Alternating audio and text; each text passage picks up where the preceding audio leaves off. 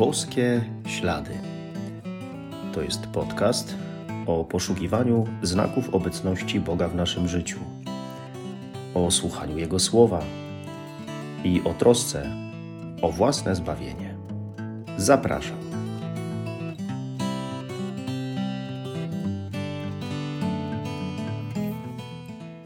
Witam serdecznie, szczęść Boże.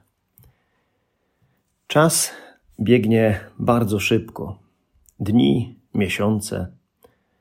Ostatnio z kimś rozmawiałem o tym, że przecież nie tak dawno były wakacje, a już prawie kolejne pół roku minęło.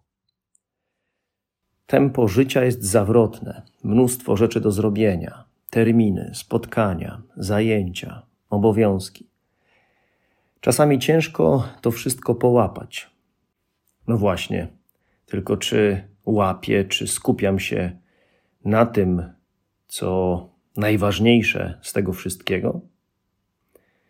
Ciągle mamy za mało czasu. A czy mam go na to, co najważniejsze? Co więcej, tego minionego czasu już nie cofniemy. Stracone chwile odeszły bezpowrotnie. Coś nie wróci i można tego niewykorzystanego czasu bardzo żałować. Posłuchajmy słów Ewangelii według świętego Marka. Gdy Jan został uwięziony, Jezus przyszedł do Galilei i głosił Ewangelię Bożą. Mówił: Czas się wypełnił i bliskie jest Królestwo Boże nawracajcie się i wierzcie w Ewangelię. Przechodząc obok jeziora galilejskiego, ujrzał Szymona i brata Szymonowego Andrzeja, jak zarzucali sieć w jezioro. Byli bowiem rybakami. I rzekł do nich Jezus: Pójdźcie za mną, a sprawię, że się staniecie rybakami ludzi. A natychmiast, porzuciwszy sieci, poszli za nim. Idąc nieco dalej, ujrzał Jakuba, syna Zebedeusza i brata jego Jana, którzy też byli w łodzi i naprawiali sieci. Zaraz ich powołał, a oni, zostawiwszy ojca swego Zebedeusza, razem z najemnikami w łodzi, poszli za nim. Czas się wypełnił. Tak, koniec działalności Jana, który zostaje uwięziony, jest początkiem działalności Jezusa, któremu przecież Jan przygotował przyjście, przygotował drogę synowi Bożemu, a ten będzie teraz głosił dobrą nowinę o zbawieniu. Czas się wypełnił. Teraz Pan Bóg w swoim synu wkracza w historię ludzkości wkracza ze swoim słowem i ze swoim czynem, z mocą.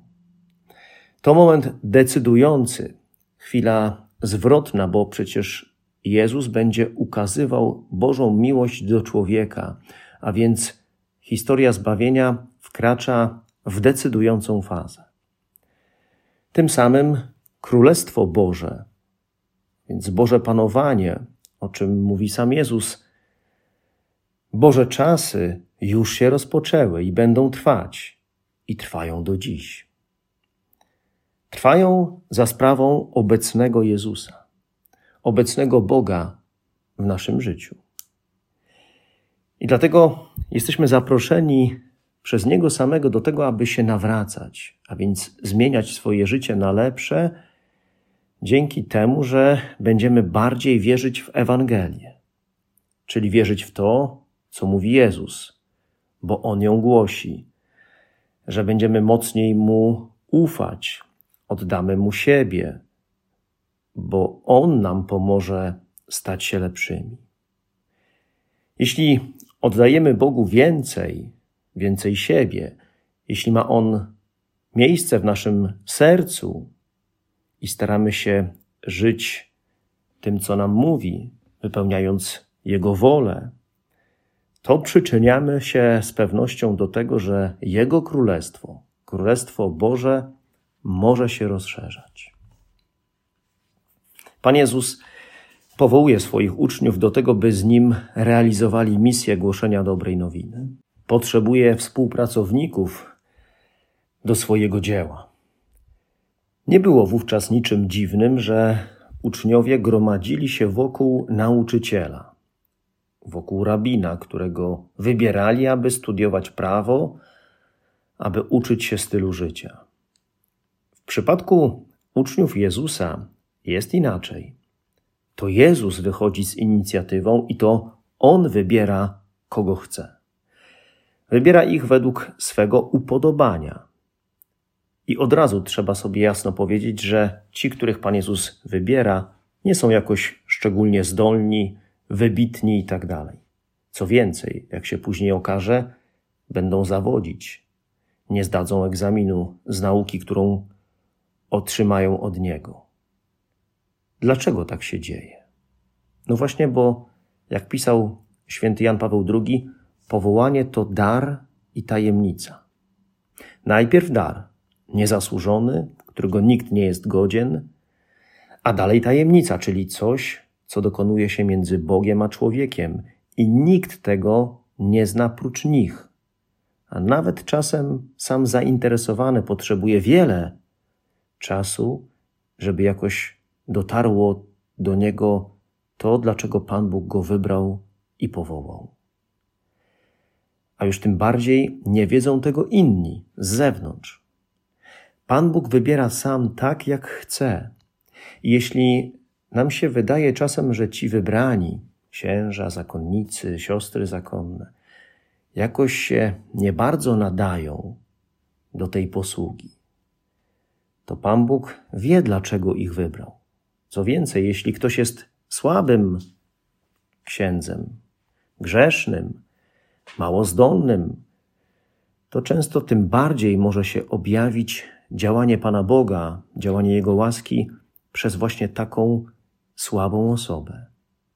Bo wiadomo, że ta osoba sama z siebie nie mogłaby czegoś dokonać, ale to Pan Bóg uczynił przez nią, posłużył się nią, właśnie jako narzędziem, pobłogosławił to, że ona się zgodziła i podjęła staranie współpracy z nim. I nagle dokonało się coś wspaniałego, właśnie przez tą osobę. Pan Bóg to uczynił. Jeszcze większa jest Jego chwała. Nie zasługa tej grzesznej, słabej osoby. Nie inaczej jest z nami. Ileż to razy to właśnie nie my sami, nie sami z siebie uczyniliśmy coś dobrego, ale dlatego, że to Pan Bóg nam pomógł, tak, a nie inaczej poprowadził daną sytuację, okoliczności naszego życia.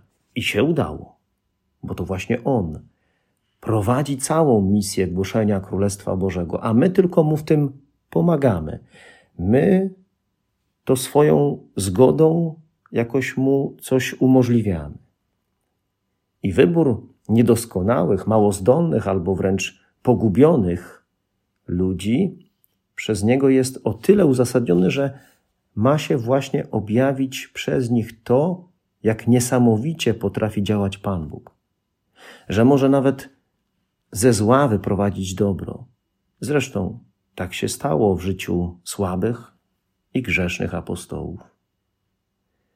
Dlatego może nie zniechęcajmy się w wierze wtedy, kiedy widzimy jakiegoś niedoskonałego kapłana. Nie skupiajmy się na tym i nie bierzmy do siebie czegoś, co może jest z jego strony nie w porządku. Skupmy się raczej na tym, co Pan Bóg ze swoją łaską potrafi w nim zdziałać. I doceńmy to, jak właśnie niesamowity jest Bóg, jak niesamowita jest Jego miłość. Pozwólmy mu, zgódźmy się na to, żeby mógł działać tak, jak chce, wybierać kogo chce i działać przez kogo chce i jak chce.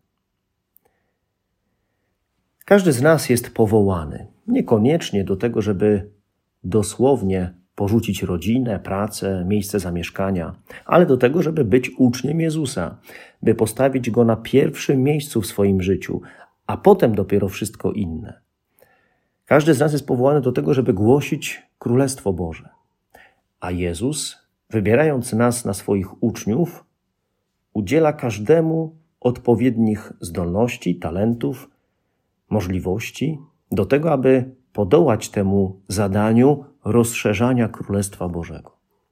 Bo każdy z nas zostaje wybrany przez Jezusa osobiście i ma do odegrania wyjątkową, swoją własną rolę w budowaniu Królestwa Bożego. I bycie uczniem Jezusa mocno związane jest z nawróceniem czy z nawracaniem się, bo bycie uczniem, czyli naśladowanie Jezusa, to jest właśnie zerwanie z tym, co mnie od Niego oddziela, co przeszkadza mi być w życiu jeszcze bliżej Niego. Więc potrzebuję się nawrócić od tego i zwrócić do Niego. Im bardziej staję się uczniem, tym bardziej się nawracam i odwrotnie. Im bardziej się nawracam, a więc rezygnuję z tego, co mnie oddziela od Niego, tym bardziej staję się Jego uczniem. Może tak być, że właśnie w moim życiu czas się wypełnił, że nie ma już czasu na to, by czekać, by uciekać przed Bogiem, by nie podejmować decyzji, by się ociągać. Nie ma już czasu na to, by marnować czas na życie w zbyt luźnej relacji z Bogiem. Muszę postawić w końcu na tą najważniejszą sprawę w życiu i przeżyć przygodę. Przygodę z Nim, przygodę, która trwa całe życie, a nawet po śmierci. Mój czas się wypełnił i potrzebuję stawać się codziennie lepszym, mądrzejszym, bardziej kochającym innych, prawdziwszym, po prostu świętszym. Nie mogę już czekać z tą sprawą. Nie mam na to czasu, bo sens i cel mojego życia to właśnie to. Po co żyję? Zostaw to, co drugorzędne i zajmij się tym, co najważniejsze, bo nie cofniesz już czasu. Pomów o tym z Bogiem, z Bogiem, który Cię wybrał i powołał na swojego przyjaciela i współpracownika. Z Bogiem, który przychodzi do Ciebie w Twoich codziennych zajęciach, jak do rybaków.